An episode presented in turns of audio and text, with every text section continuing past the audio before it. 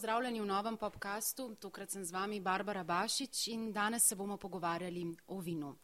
Vino ni samo pijača, kot se na njo spomnimo ob različnih praznovanjih, da nimo novem letu, rojstnih dnevih in pa porokah. Vino je čisto prava umetnost. In da bomo vedeli, v kakšni umetnosti bo danes pravzaprav tekla beseda, ob sebi zato lepo pozdravljam človeka, ki v vinu ve zelo veliko. Gašpar Čarman, lep pozdrav. Lep pozdrav, hvala za vabilo najprej, Barbara. Prosim. Um, kot sem že omenila, ste velik poznavalec v vinu, veste praktično zelo veliko, ampak niste samo to. Ste v bistvu tudi dvakratni najboljši sumilje uh, v Sloveniji, um, edini slovenec, ki je tik pred nazivom, uh, da postane Master of Wine. Pravzaprav bi lahko rekli, um, da ste živite za vino. Ja, to je res, ja. Moja velika strast. Um, nekaj vem, bolj ko se zavedam, bolj, bolj ko se učim, bolj ko se razvijam v tem znanju, se zavedam, kako malo vem. In ravno to je ena od stvari, ki me pri tem blazno veseli. Da to je svet, ki je širok, globok, dolg in ki vedno da nekaj novega. Vaši začetki, ko sem se pripravljala na ta pogovor, so zelo v bistvu zanimivi. Ne? Začelo se je vse z domačo gostilno, z v bistvu kletjo, v kateri ste ja. spravljali prve svoje ja. uh, izbrane butelke. Mi malo pišete, kako je vse to potekalo.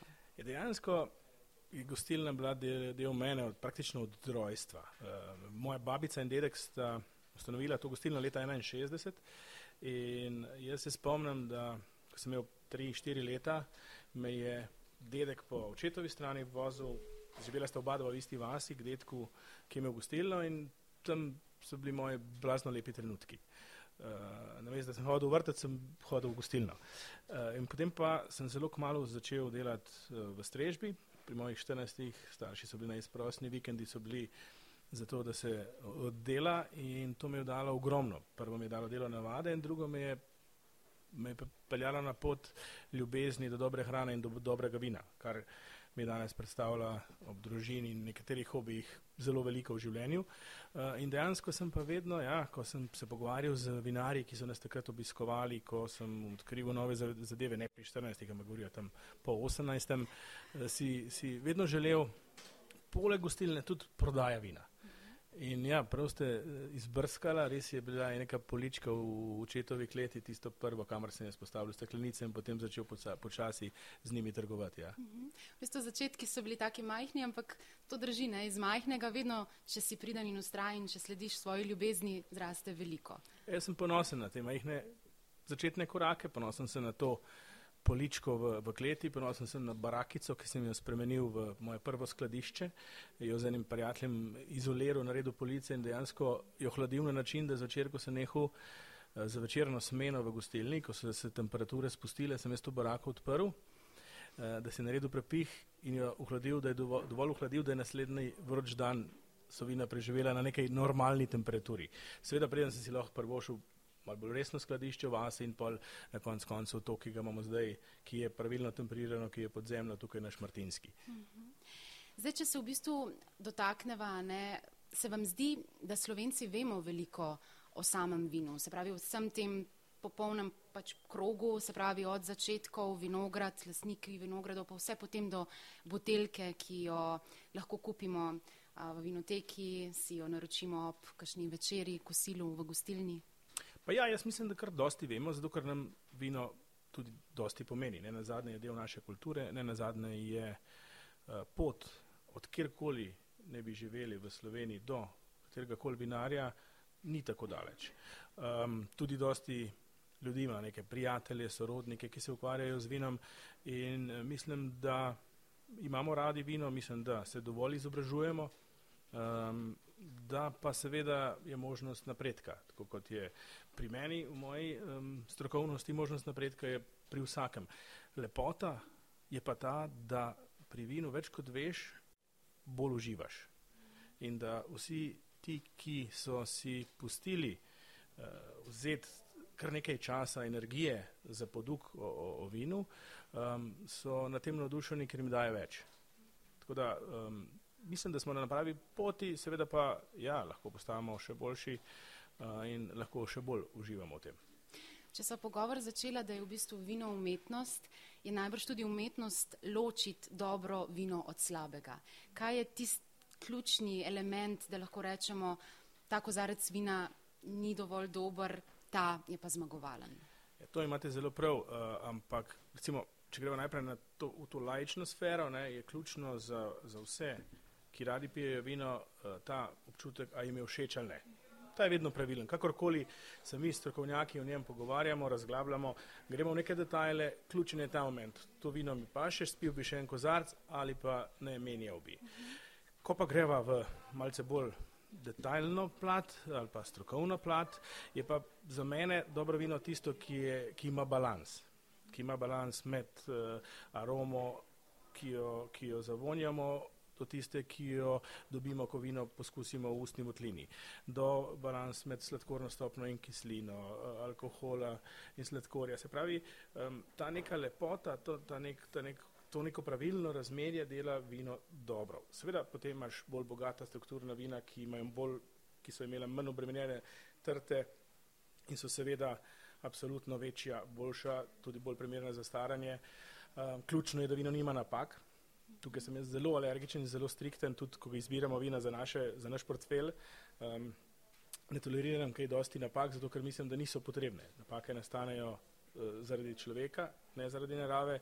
In um, seveda se zgodijo naravno, ampak smo mi tisti, ki bi jih morali preprečiti. In tukaj nimam neke blazne tolerance in je prav, da tudi uh, pivci uživajo v vinih, ki nimajo napak. Um, in, in ta konfuzija, ki se zdaj dogaja z tako imenovanimi naravnimi vini, kot jih nekateri imenujejo, ne, in, in, in van, vanjo v to kategorijo porivajo tudi tista, ki imajo napako, so za mene zelo slab izgovor obožujem naravna vina, obožujem, da nekdo prideluje ekološko, da sledi naravi, ampak na koncu konca moraš biti priden. Moraš biti priden uh, v kleti, moraš narediti procese, ki so jih potrebni, brez kemije, goriva samo v fiziki in za svojim znanjem moraš poskrbeti, da na koncu pivec v kozarcu bo dobil to, kar si zasluži. In, in ko se to vse poklopi, takrat so položitki tisti pravi. Že ko vas poslušam, se vidi, da gojite neizmerno ljubezen uh, do vina. Ne? In ta ljubezen vas je vodila tudi k temu, da ste začeli oblikovati lastno blagovno znamko vin. Ne? Imenuje se Gašpr. Um, in s temi vini ste usvojili veliko priznanj. Ne? Če samo omenim platinaste, zlate in pa srebrne ja. medalje z prestižnega londonskega dekanterja, za vse lajke nas zagotovo zanima, kaj je tisti skrivni recept, da se naredi zmagovalno vino ko se šalim, rečem, da je zgolj sreča. Ampak ni zgolj sreča, tle je predvsem v zadju ravno to, kar, s čimer sem začela. Neko znanje, nek globalni pregled na tem, kaj se eh, z vinom dogaja, obiski številnih mnogih vinskih regij, neskončno uric pogovorov z različnimi vinari, razmišljanjem, kaj je on počel, da v vinu dobivamo to, ker vedno, kar mi okušamo v vinu, če bi mi, mi dva imela pred seboj sedaj, ne vem, pet kozarcev in bi okušala, bi vam jaz znal povedati, kakšne so bile odločitve vinarja, da je pripeljalo do tega. In vsa ta neka logična povezava tega strokovnega, teoretičnega sveta s to prakso eh, dejansko me je pripeljalo do tega, da sem hotel se izraziti z vinom, kjer bom na njem moj podpis, moje ime. In super uh, partnerja ne bi mogel boljšega najti, sem najdel v kleti Brda, um, kjer dejansko je klet, ki je v lasti 200, dobrih 250 uh, lasnikov vinogradov, uh, kateri skrbijo za tam nekje tisoč hektarov vinogradov v Goriških brdih. Lahko smo zbirali pozicije, lahko smo določali stil, ki ni bil mogoče praksa takrat v klet Brda in dejansko sem naredil tudi par riskantnih ali pa rečemo temu, jaz bi jim rekel, eni rečejo riskantnih, jaz mislim drugačnih potez, ki pa so potem pripeljale tudi ne nazadnje do teh dveh platinastih za, za Cabernet Franc, kar je zaenkrat moja najvišja ocena, ki sem jo dobil. Ja. Se pravi, moramo reči, da se včasih treba tudi upati. Um, it mogoče, bi kdo rekel, je riskantna poteza, uh, lahko se zafrkneš, ampak vi ste si upal in to je pomenilo samo uspeh. Moraš si upati, sam jaz sem vedel, da bo tak rezultat. Od prvega dne, ko sem dal idejo, kaj narediti s Cabernet Frankom, sem vedel, da bo prišel ta uspeh, zato ker, ker, ker, sem, ker je tukaj, če greva malo v detajle, je tukaj globalno segrevanje, ki je spremenilo vinski svet zelo. In tudi to, da danes lahko pridelamo perfektno zdrav Cabernet Franc v goriških brdih, eh, ni bilo možno pred 30 leti. Ne? Če se bo moja hči odločila nadaljevati tradicijo, čez 30 let bo lahko predelovala verjetno zelo dober Cabernet Sauvignon, ki ga danes mi malce težje. V posebnih letnikih ja, drugače pa malce težje. Če govoriva o nivoju vin, kjer bi tekmovali z najboljšimi na svetu. To, to je po mojem naš edini cilj, da tekmujemo z najboljšimi na svetu, biti najboljši na vasi. Ne vem, mogoče za nekoga zanimivo, meni men ni. Uh, in dejansko v, v, v Brdih se da narediti, ali pa ne samo v Brdih, tudi v ostalih delih Slovenije se da narediti izjemna vina. Samo če postavimo stvari na pravo mesto, izberemo pravo sorto, pravi način vinifikacije, če si zamislimo pravi slog, ki si ga želimo, ne, ker mnogi trdijo, da se vino rodi v vinogradu, uh -huh. um, jaz trdim, da se vino rodi v glavi tistega, ki je podpisan na steklenici. Uh, in seveda največ dela se upravi v vinogradu, brez tega ne gre, ampak dejansko v glavi tistega se zgodi, kaj, bo, kaj boste vi na koncu pili. No in tukaj je dejansko res v Brdih en blazen potencial, pa tudi druge v Sloveniji, da, da pokažemo, kaj znamo, da pokažemo, zakaj je tle 2000-letna tradicija, uh, samo malce več upati si, pa malce več znanja še potrebujemo generalno in bomo, bomo na pravi poti. Zdaj, če nadaljujeva v tej smeri upati si, ne? Vi ste si tudi prvi upal, da ste začel z internetno prodajo vin pri nas, ne? In pri tem ste zelo uspešni. Um, kako lahko rečeva, cene so najbrž vrtoglave, ne? kam grejo, lahko tudi celo v nebo. Ja. Koliko ste recimo najdraže prodali botelko in kakšni smo slovenci pri tem? Vsi upamo. Ja, z, ma, imate zelo prav, glede na to, da se ta svet, rečemo temu, tudi uh, luksuza, ker ta najboljša svetovna vina, tukaj ne govoriva o slovenskih, govoriva v, o tujih, predvsem francoskih, ki spadajo v ta nek luksuzni segment, ki targetira konec koncev najbogatejši ljudi na, na svetu uh, in ker je omejen, ker pač vsako vino, ki je v svetovni špici 50 stoletij vezano na nek vinograd, ki da neko število steklenic, ne, ne neskončno, seveda tudi zmanjšuje um, ponudbo ali pa, ali pa uravnava ponudbo, ni neskončna. Popraševanje je pa strmo skočilo in zato, ja, mi smo prodali letos tudi steklenice po 7-8 tisoč evrov. Um, obstajajo kupci, cena je res vrtoglava, cena je nora, se strinjam. Je pa dejstvo, da so ta vina zelo dobra. Jaz sem imel srečo jih poskusiti, ko jih obiskujem te kleti. In vina so izjemna, vina so brez napak, vina so sanska. Uh, ampak ja, se pa ne strinjam, da so cene takšne. Zato, ker nam zmanjšuje krok kupcev, ker, ker večino teh vin konča ali v Aziji ali mogoče v nekih delih Amerike, tudi Middle East je ta trenutek center, ki pokupuje te steklenice. Ja. Kako pa smo slovenci pri tem? Ne? Smo pripravljeni odšteti nekaj sto evrov za botelko res dobrega vina ali nekako se rajš ne upamo? Kako bi vi ne, rekli? Je kar dosti slovencev, ki si upa odšteti nekaj sto evrov. Uh, to so ljudje, ki so uspeli v svojem življenju, to so ljudje, ki, ki so zgradili podjetja, ki jim prinašajo uh, um, lepe prihodke in me tudi veseli, da, da si upajo odšteti nekaj tega svojega kapitala za, za vina in odkrivati najboljša vina sveta, ker, ker, ker ko gremo mi v segment, recimo temu kategorijo nekaj 100 evrov, dejansko gremo v segment, ker lahko poskušamo najboljše, kar svet ponuja. In če je nekdo ljubitelj uh, nogometa, bo vredno tudi plačal uh, letalsko vozovnico in odletel na eno dobro tekmo v Anglijo, Španijo, vem, na jug Italije, Napoli. Uh, in to bo tudi ko, koštalo na koncu koncev par sto evrov. In, ampak je dal je za svoj užitek, za svojo strast, nekaj nauke se je naučil, ravno tako je pri vinu. In mene to veseli, da ljudje so pripravljeni uh, to plačati, da odkrivajo uh, in dejansko, da na koncu tudi dobijo neko satisfakcijo. Pa so spet pri ljubezni ne? in ta ljubezen se navezuje tudi na ta vinske uh, festivale in pa mhm. degustacije. Ne.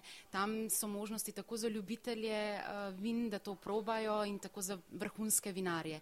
Kje je tista bistvena razlika med degustacijami in pa vinskimi festivali? Pa vinski festivali so verjetno najboljše urodje za izobraževanje vinskega ljubitelja. Uh -huh. uh, jaz nikoli ne bom pozabil, moj prvi vinski festival je bil v Merano v Italiji, ki je danes še vedno najvidnejši vinski festival v Italiji. In tudi tam je inspiriral za naš top vino, ki prihaja 1. in 2. oktobra. Uh, ampak uh, zanimivo mi je bilo to, da sem jaz pri mojih 18, ko sem šel z očetom in še dvemi vinogradniki v Merano, uh, kupil stopnico, dobil kozarec in sem kar v trenutku se znajdel za, za mizo, ker je nasproti stal vinogradnik, o katerem sem jaz samo bral.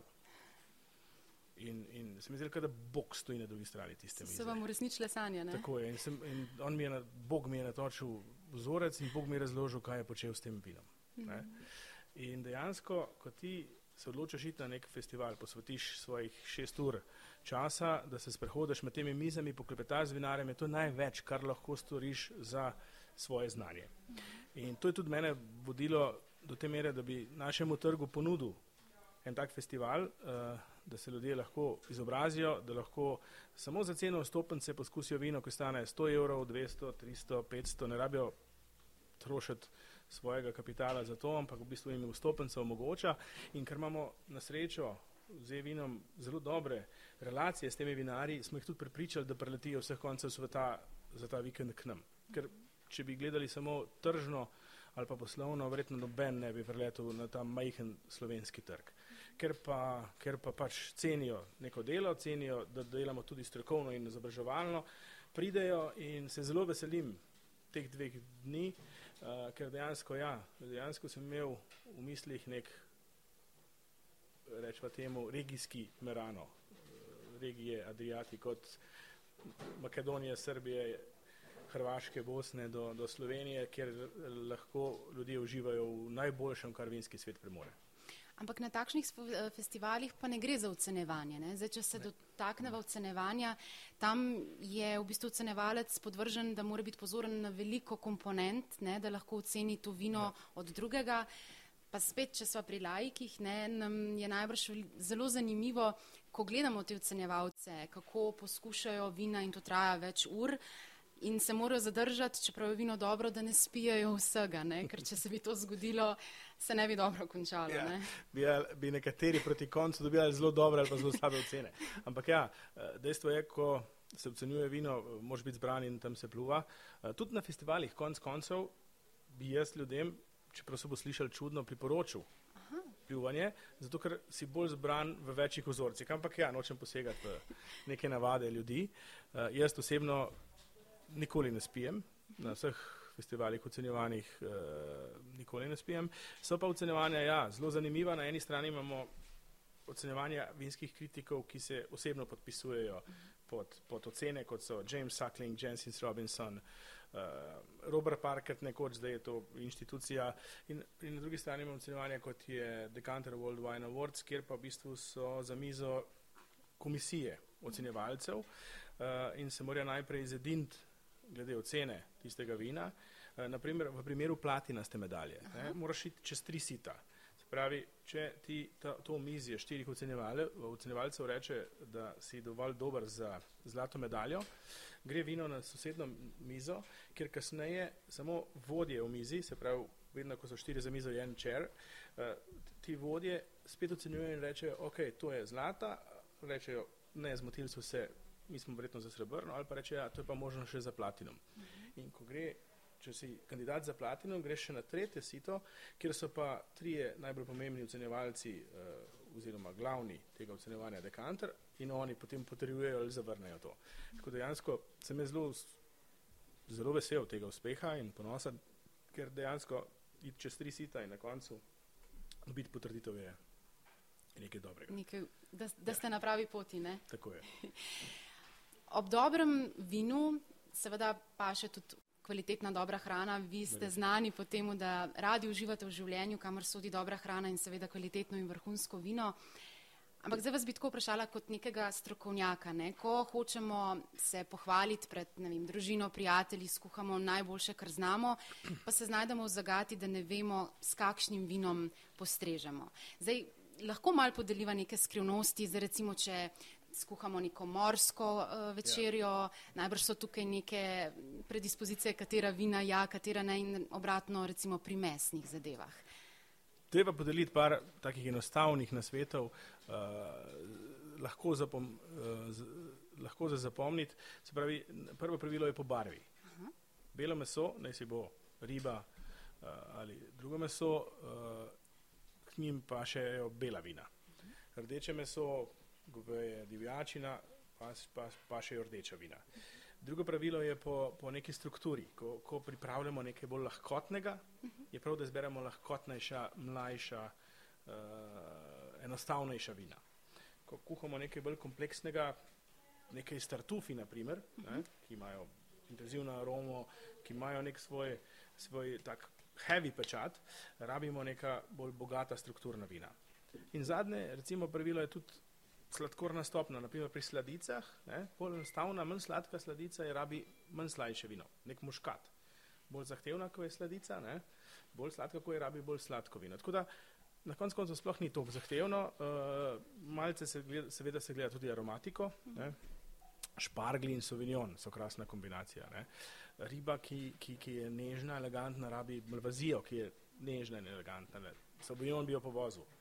In, in ker tisti občutek, ko daš ti v usta košček, kar imaš na krožniku, to kombinacijo jedi, z pravilno izbranim kozarcem, ta simbioza in ta, povezati, ta eksplozija ne? okusov je, je ključna. Zato, zato so to pomembne dobre restauracije z dobrim šefom in dobrim sommelierjem. Ker ko one dva delata v simbiozi in ko one dva najdeta najde perfekt kombinacijo, to je tisto največ. Spravi sem imela prav, ne, ko so začela pogovor, da je to umetnost. Ker... Na nek način ja.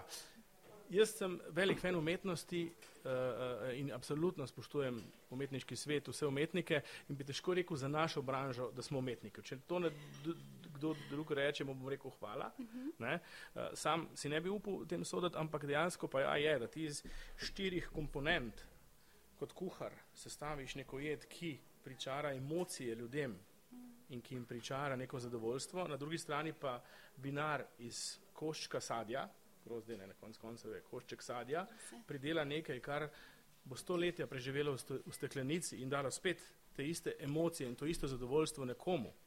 In to, kot tisti skup poskusi, ja. Pa katere so recimo je. tiste fatalne napake, Gašpor, ko jih naredimo, ko želimo servirati vino. Um, recimo, da se doma usedemo, si natočimo kozarec vina, je prav, da damo notri led, je prav, da mešamo z mineralno vodo ali bi se vinari uh, križali, ko bi videli to, da je to greh. Ja, če ste doma ob morju ne, in je ura ena, ko ste ravno prišli iz plaže, nič narobe. Ne. Dober kozarec lahkega belega vina z gazirano vodo in koščkom ledu je absolutno osvežilno in mnogokrat dosti boljše od hladnega piva, saj za me. Uh, eh, ampak, ko smo pri, pri napakah, ki delamo doma, recimo, če bo kamera pokazala, kozarec te oblike je smrtni greh za vino.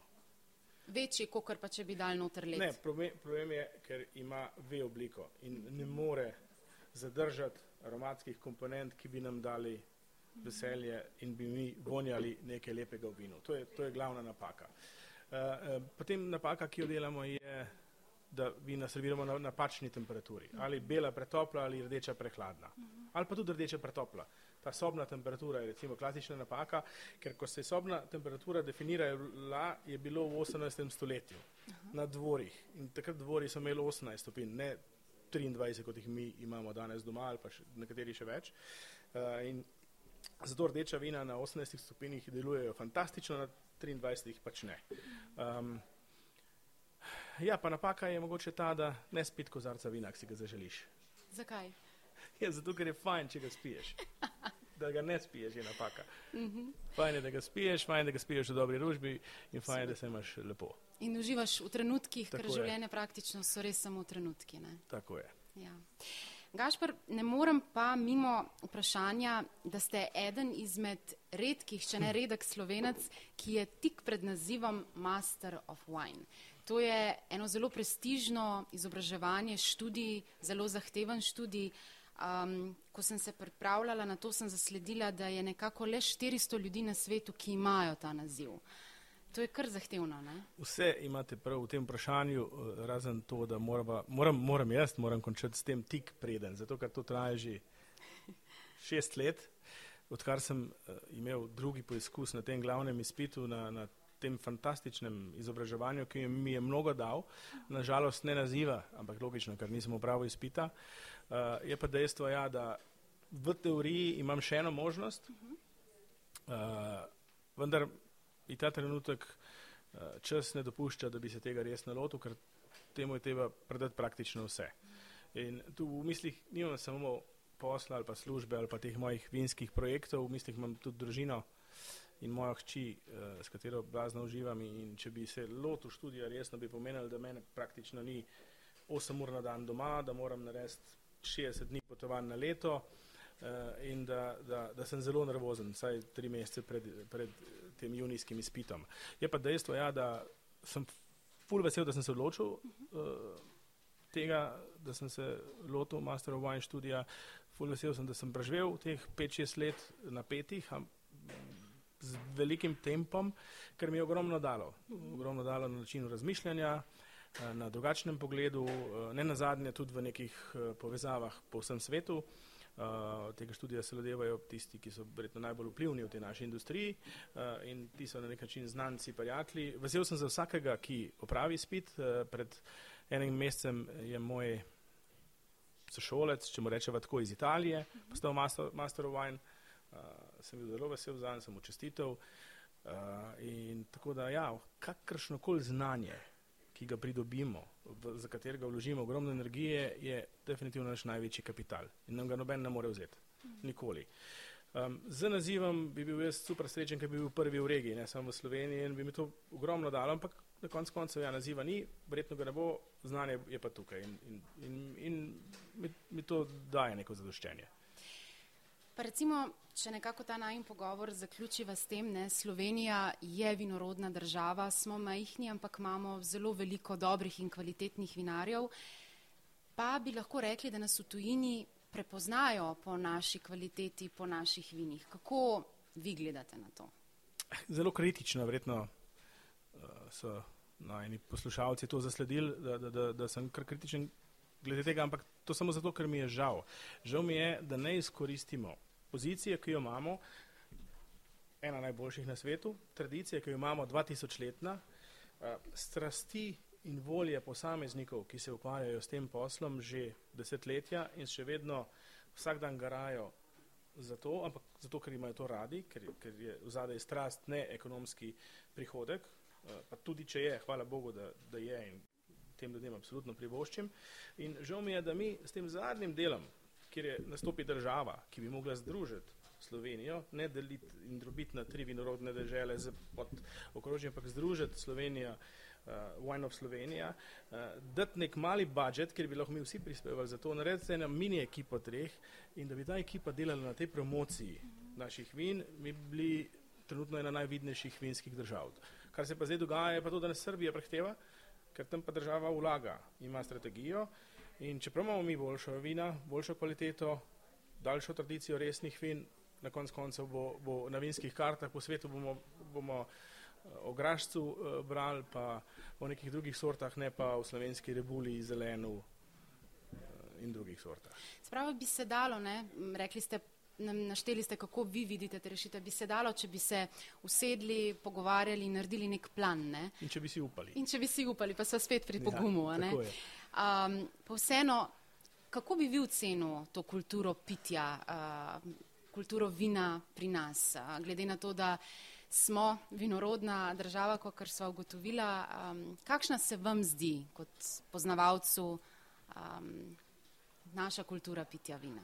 Na zelo dobrem globalnem nivoju, definitivno.